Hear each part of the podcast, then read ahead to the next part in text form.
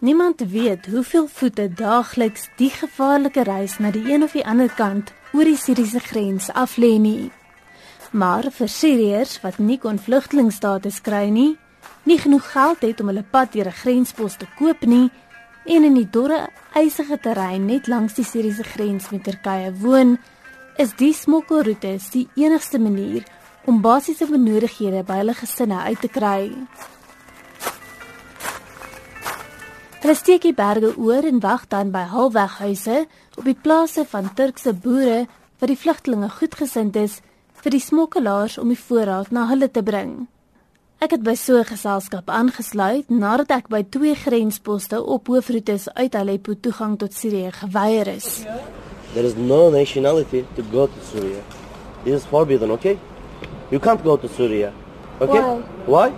This is our law. What? Is that not for Syria to decide who they want in their country? Madam, please listen to me. You're in Turkey, and Turkey is law that you can't go to Syria, okay? This is understand? No problem. Let's go out. No, but nobody go to, Tur- to Of course, Syria. nobody go to Turkey. Nobody go to Syria. Only Syrian people go, can go to Syria. Why do you want to go to Syria? Are you like to see crazy? You're Asian, huh? Don't go to Syria. You can die. As jy egter lank genoeg op die grens rondhang, sal 'n smokkelaar jou nader met 'n kontaknommer om te bel. Die nommer wat vir my gegee is, kom uit by 'n smokkelaar wat aanbied om my oor die grens te kry via 'n rivieroorgang.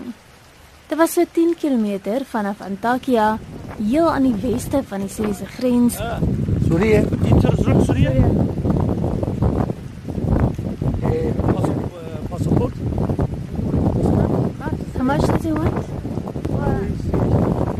هذا كثير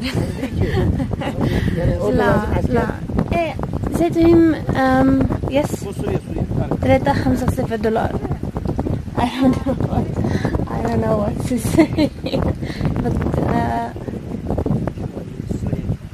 yendi mi? did you take it? نعم Askeriye askeriye. Askeriye. Lyk my, ons het 'n deal. Vir 3 dae het ons hoopvol gewag nadat 'n fooi van 350 Amerikaanse dollar beding is. Maar die reën was swaar en die rivier in vloed.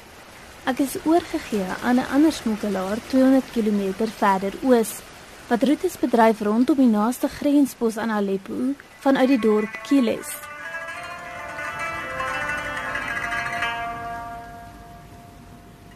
Dit is 'n gebied wat ek in my beplanning uitgesluit het met die Siriëse oppositie, die Al-Qaeda geaffilieerde Al-Nusra Front, die berugte terreurgroep ISIS en Koerdiese magte wat almal 'n teenwoordigheid daar handhaaf of in 'n stadium gehandhaaf het.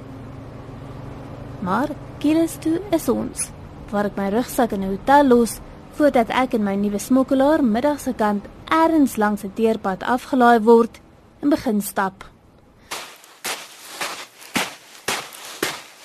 Duidelik op 'n plaas, deur wingerde en boorde tot by die eerste halweghuis. 'n Groep smokkelaars soek voorraad uit terwyl 'n handvol Siriërs wat sit en wag, toe kyk. Die gelag van kinders klink op by die tuin.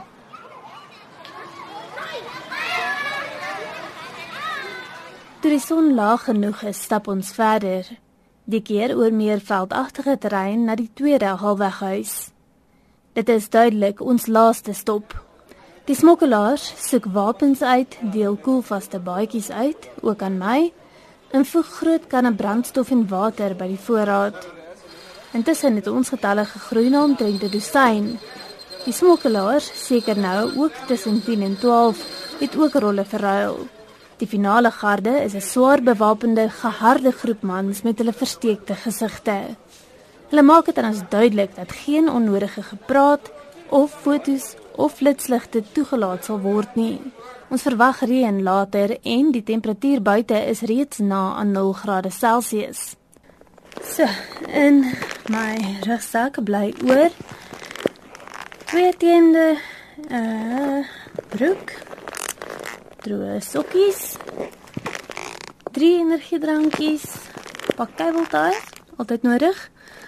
Kopliggie, reënjas, my satellietfoon, selfoonlaaier, ehm um, 'n uh, pak vuurtjies, 'n uh, pak lekker goed, 'n mes en 'n uh, net 'n bietjie 'n pen. My lyfband met dollars en 'n paspoort is steeds styf teen my middel vasgemaak. بسم الله الرحمن الرحيم نترحم على أرواح شهدائنا في سوريا Toe die son onder is, na 'n laaste gebed, tel ek my rugsak op en die vlugtelinge hulle reuse ladings. Ons begin weer stap.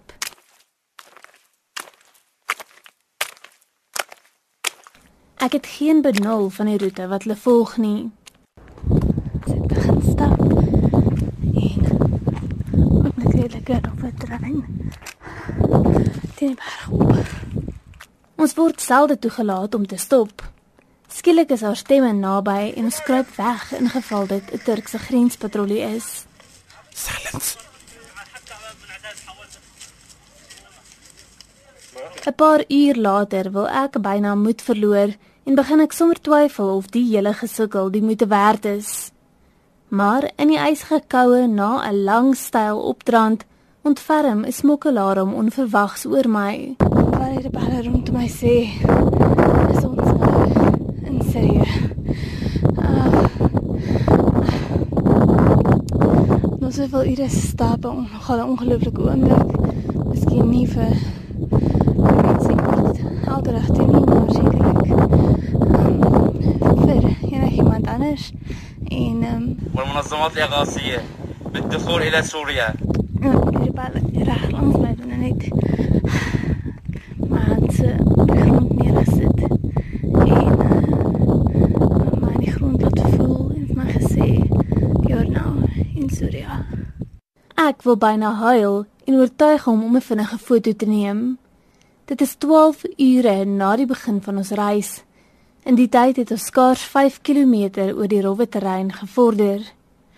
Ons stap weer verder, die slag afdraande vir so wat 500 meter. Ons kom in die pikdonkerte aan by een of ander struktuur en ek voel 'n matras onder my voete. Slaap, kom daardie soete woord uiteindelik. Moeg gestap, sonder 'n idee waar ek is, maar met die wete dat die smokkelaars vir wie ek teen die tyd met my lewe vertrou, buite wag hou, slaap ek dan maar vir wat ook al môre mag bring. Ek is Suna Venter vir SAK nuus.